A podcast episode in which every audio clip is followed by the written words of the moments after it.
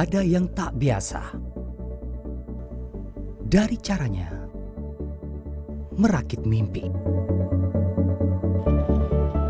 Demi menjaga fitrah sebagai manusia berdaya, ia harus berhadapan dengan cibiran yang menerpa.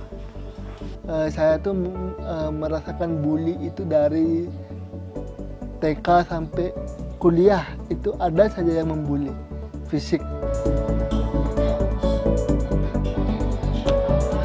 Bernafas di bawah langit yang sama membuatnya percaya bahwa tak ada yang sia-sia di dunia. Kami tidak pernah merasa oh, ini cobaan bukan. Kami tuh selalu merasa Dina ada anugerah. Sampai sekarang pun begitu.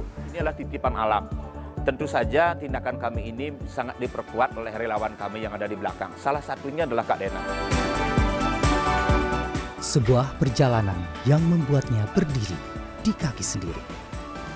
Inilah kisah penyandang disabilitas yang berjuang menembus batas.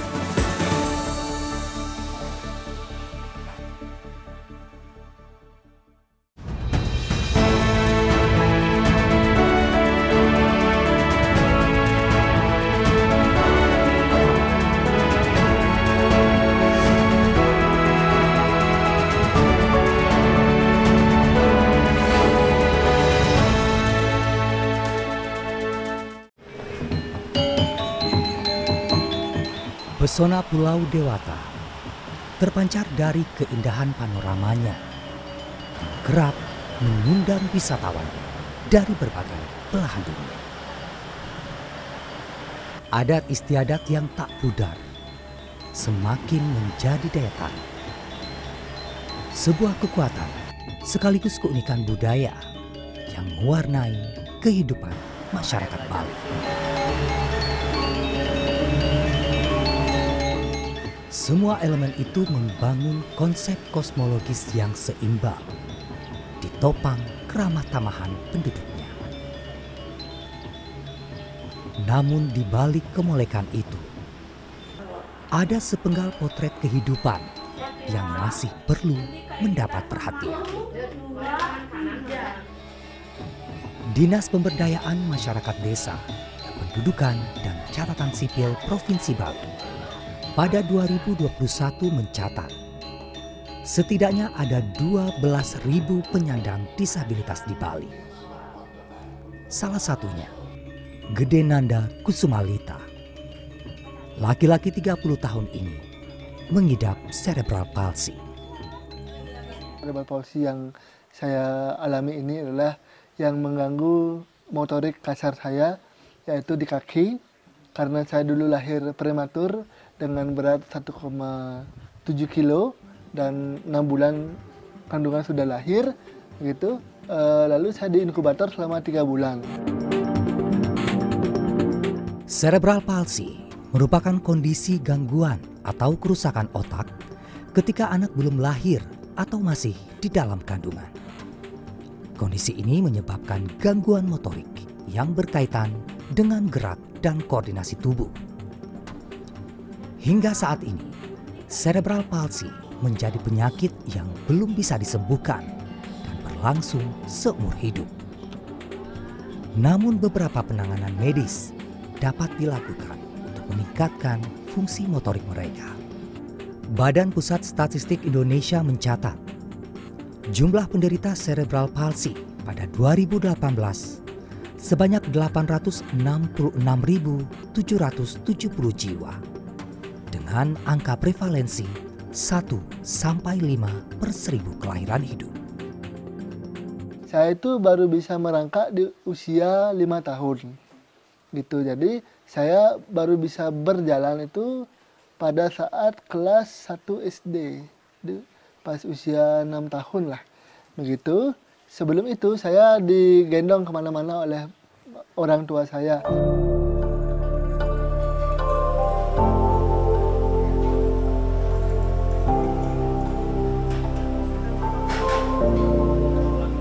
Dena. Demikian ia biasa disapa. Kerap menerima perlakuan tak menyenangkan dari teman-teman sebayanya. uh, saya tuh uh, merasakan bully itu dari TK sampai kuliah itu ada saja yang membuli fisik. Tak ingin terpasung dalam kondisi yang terus membuatnya terpuruk, Dena berusaha membalik keadaan. Eh, pelan-pelan tidak menjadi manusia yang cengeng walaupun mungkin waktu saya SD sering saya nangis karena diolok-olok begitu oleh teman-teman sebaya saya tapi ya saya eh, karena tekad saya ingin sekolah ingin mempunyai pendidikan yang baik begitu jadi saya tetap lanjut saat menginjak remaja Dena sempat menjalani operasi kaki dan terapi di negeri kanguru Australia. Saat itu, ia diajak oleh seorang dokter berkebangsaan Australia yang tengah melakukan penelitian di Bali. Itulah mengapa kondisi Dena relatif cukup baik dibandingkan penyandang cerebral palsy lainnya. Dena masih dapat beraktivitas tanpa harus menggunakan kursi roda.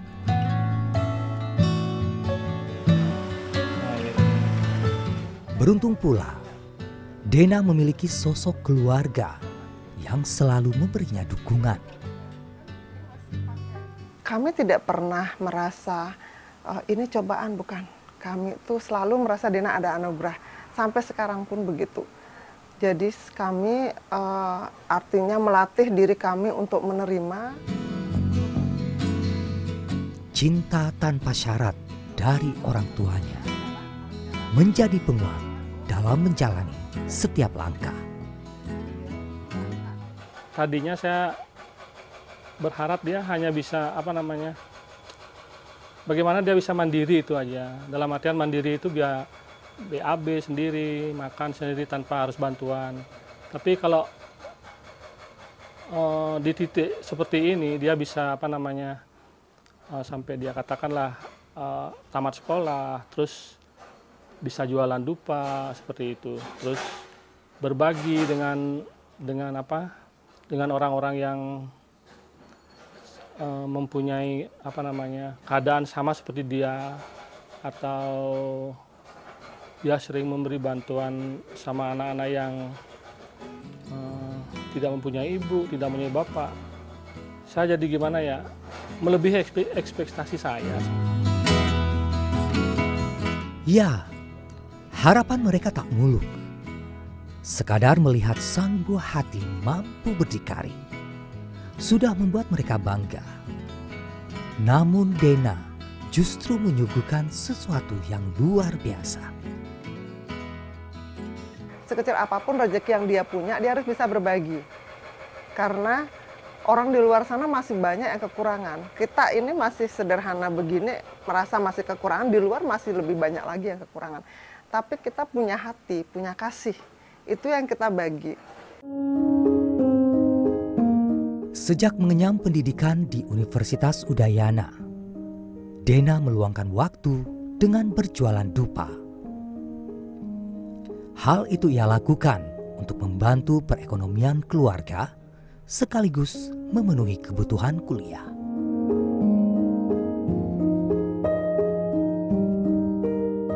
Bermodal sepeda motor modifikasi ini, ia berkeliling dari rumah ke rumah untuk mencacakan dupa. Di momen saya merasakan kepercayaan diri tersebut adalah ketika saya baru memulai kuliah. Baru memulai kuliah, saya itu harus kuliah sambil berjualan dupa, keliling. So, jadi e, berjualan dupa itu dari rumah ke rumah, door to door dari rumah ke rumah, kantor ke kantor, begitu. Jadi di sanalah saya memulai interaksi dengan orang-orang sekitar. Dupa itu ia peroleh dari Wayan, penyuplai dupa dari Bangli yang mengantarkan pesanannya ke kediaman Dena. Semangat juang itu terbentuk dari tekadnya yang kuat menyelesaikan pendidikan.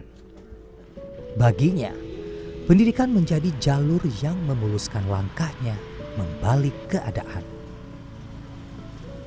dia itu uh, menjual dupa walaupun dengan kekurangannya dia saya sangat salut dan sangat bersyukur melihat sosok Dena itu begitu gigihnya dia itu menjual dupa sambil belajar sambil kuliah sampai dia bisa meluangkan waktunya membagi waktunya untuk mencari uang untuk demi keluarganya deminya untuk dia juga juga untuk mencapai cita dia nantinya supaya bisa kuliah sampai dia sukses.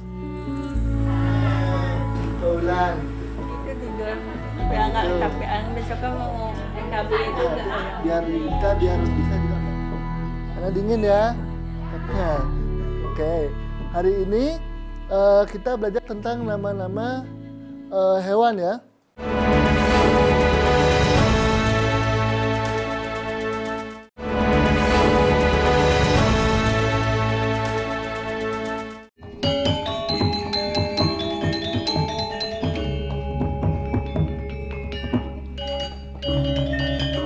Anak-anak ini tampak riang mendatangi kelas yang akan diasuh Dena. Mereka adalah anak-anak penyandang disabilitas yang berasal dari berbagai wilayah sebalik. Lebih dari 200 anak berkebutuhan khusus yang aktif di sini. Setiap kegiatan disesuaikan dengan tingkat motorik mereka. Ada yang masih menjalankan fisioterapi. Ada pula yang asik belajar tarian Bali meski sambil duduk di kursi roda.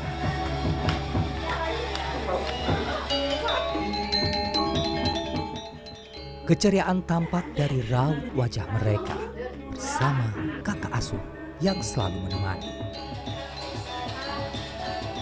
Yayasan Peduli Kemanusiaan Bali merupakan organisasi nirlaba yang didirikan pada 2001.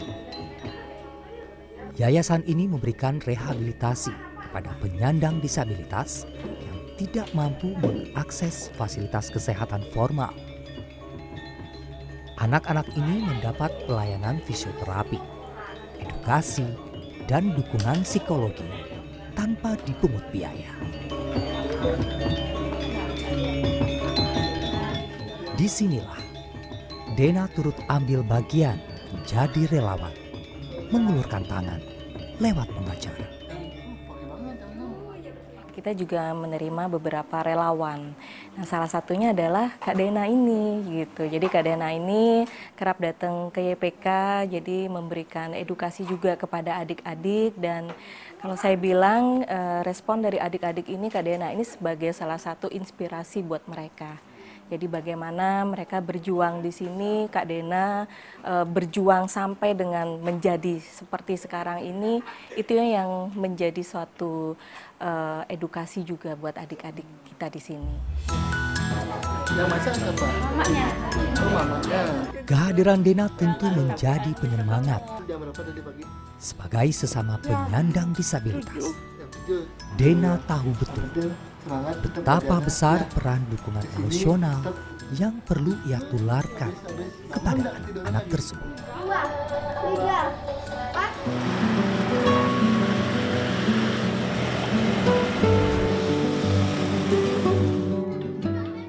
Rasa kemanusiaan yang dimiliki Dena terus bertumbuh. Ia melihat masih banyak anak yang membutuhkan bantuan. Selain anak-anak berkebutuhan khusus, ada pula anak-anak yang berada di bawah garis kemiskinan. Sebagian dari mereka bahkan sudah tidak memiliki orang tua. Namun lagi-lagi, Dena menyadari arti pendidikan yang menjadi hak mereka.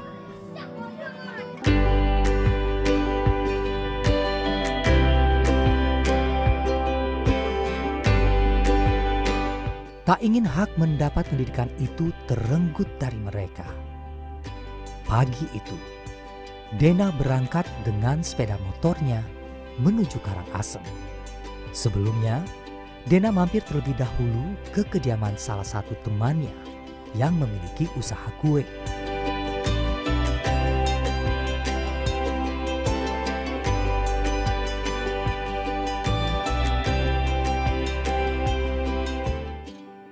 Ialah Goje, sosok pengusaha muda yang terinspirasi dari Dena. Awalnya, kehadiran Dena hanya membeli kue.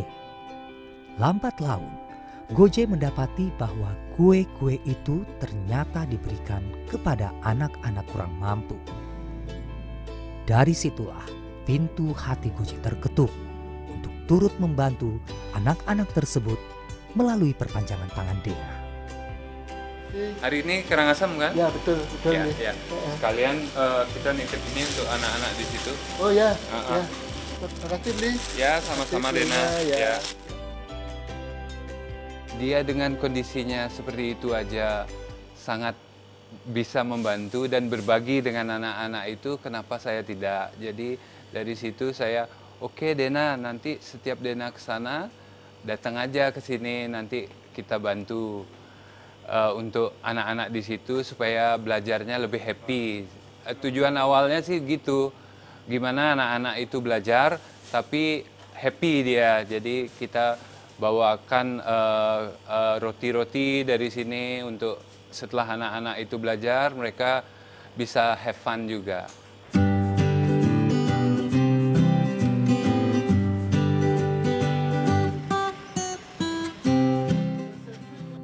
Hanya membawa kue, Dena juga menyempatkan diri membeli sembako seperti beras, minyak goreng, dan mie instan. Uang untuk membeli sembako itu ia peroleh dari hasil berjualan dupa yang ia sisihkan.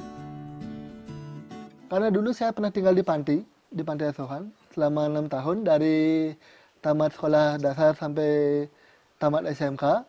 Saya merasa eh, dan melihat sendiri bahwa para donatur itu datang ke panti hanya untuk membantu. Dan istilahnya saya juga ingin menghapus stigma bahwa orang-orang yang dulunya pernah tinggal di pantai asuhan itu jangan hanya cuma bisa begini. Tapi satu saat itu harus kita bisa memberi ke orang lain gitu.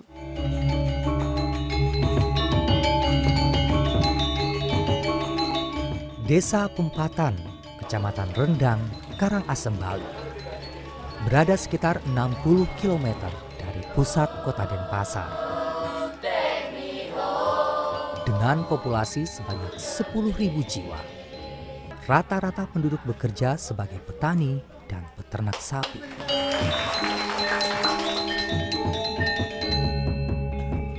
Di sudut desa, tepatnya di Banjar Pemuteran, terdapat rumah keluarga milik Ketut Sengker dan istrinya Made Sujani yang disulap menjadi kelas belajar. Kelas itu dinamai kelas belajar merah putih yang sudah ada sejak 1997.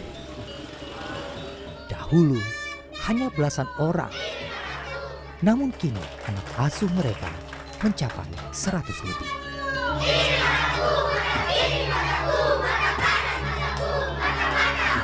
Rumah ini menjadi persinggahan anak-anak tidak mampu dari tiga desa sekitar.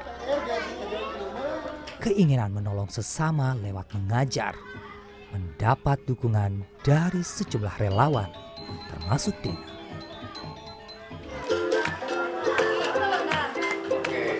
Kedatangan Dena selalu dinantikan dan disambut dengan sukacita oleh anak-anak di kelas belajar merah putih. Itu tinggal di perdesaan ini mendapati memperoleh gambaran anak-anak kita itu banyak yang drop out. Awal-awalnya kalau tamat 15 paling melanjutkan dua orang, tamat 20 paling melanjutkan tiga orang begitu. Nah, oleh karena itu eh, kami di apa yang apa yang bisa kami keluarga lakukan sebagai seorang guru. Nah, salah satu ini adalah titipan alam. Tentu saja tindakan kami ini sangat diperkuat oleh relawan kami yang ada di belakang. Salah satunya adalah Kak Dena. Dengan kecakapannya berbahasa Inggris, Dena mengajarkannya kepada anak-anak di sana.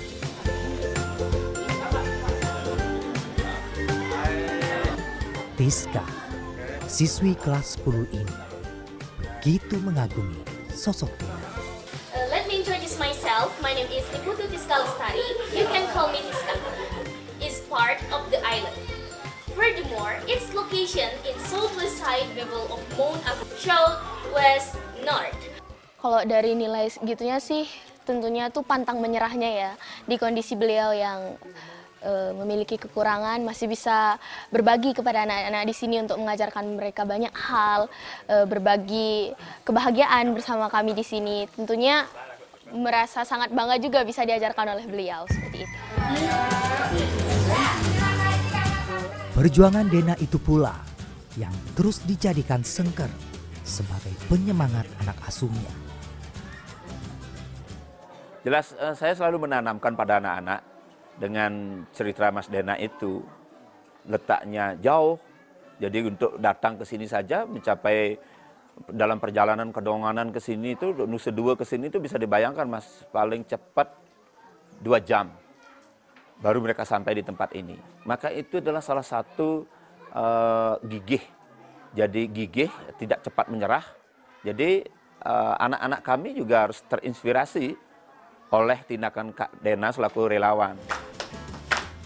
Di sela-sela belajar, Dena membagikan kue yang dititipkan Goce padanya. Hari itu tepat hari ulang tahun Dena yang ke-30.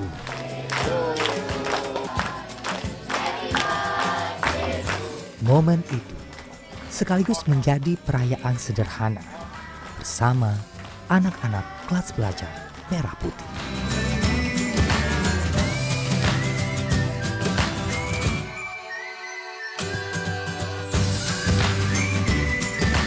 Bakti Kominfo untuk program inklusi digital mayoritas mengenai infrastruktur. Tetapi di samping itu kami juga memastikan bahwa solusi ekosistem juga tersentuh uh, dalam program-program inklusi digital. Salah satunya adalah dengan memberdayakan disabilitas melalui pemanfaatan teknologi informasi dan komunikasi.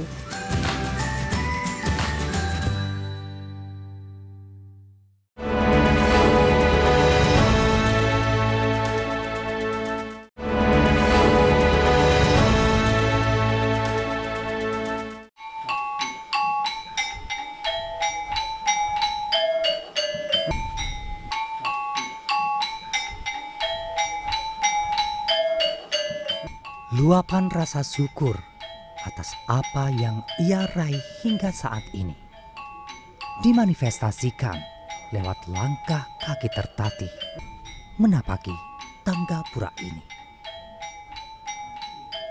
Nah, tetap saya syukuri apa yang sudah diberikan oleh Tuhan Ida Sang Widiwasa karena saya masih dikasih hidup dan saya meyakini bahwa semua manusia itu memiliki karmanya masing-masing. Jadi di mata Tuhan semua manusia itu sama. Ia yang sebelumnya bekerja di salah satu bank BUMN di Denpasar selama enam tahun, kini harus disudahi. Namun langkahnya tak terhenti. Ada secerca harapan lewat peluang baru yang ia ambil. Bagi saya, eh, semua itu ada masanya. Dan setiap kita mau maju ke depan pun juga ada pengorbanannya. Begitu. Tapi itu kan juga kan pilihan. Kita mau maju, kita kita harus siap dengan konsekuensi. Tapi kalau kita mau stay dan lempem begitu saja, ya sudah. There is no challenge for ourselves. Menjadi pergolakan manakala ia harus melepas semua apa yang telah ia bangun di Bali. Dan kini ia harus merantau ke ibu kota untuk meniti karir di Bakti Kominfo. Di kantor barunya, Dena mengemban tugas sebagai staf administrasi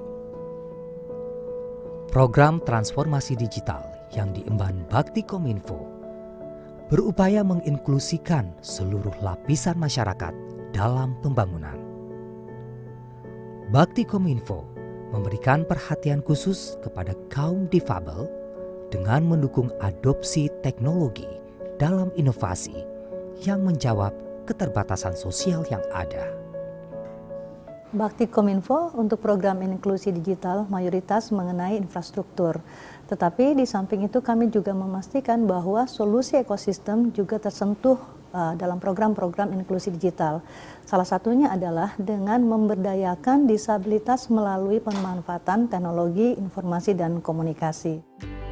Semangat bakti Kominfo dalam menjalankan inklusi digital direpresentasikan dengan baik lewat sosok pemuda penuh nilai juang, Dena. Mas Dena kan walaupun keterbatasan fisik, Mas Dena juga untuk membantu pekerjaan juga nggak bermasalah ya. Seperti biasa aja gitu dan banyak membantu saya juga untuk menyelesaikan pekerjaan. Selain Dena, ada pula sosok Rubini yang setiap hari bekerja dengan kursi roda tak ada batas yang mampu menghambat semangat mereka. Ruang dan peluang yang sama mereka raih.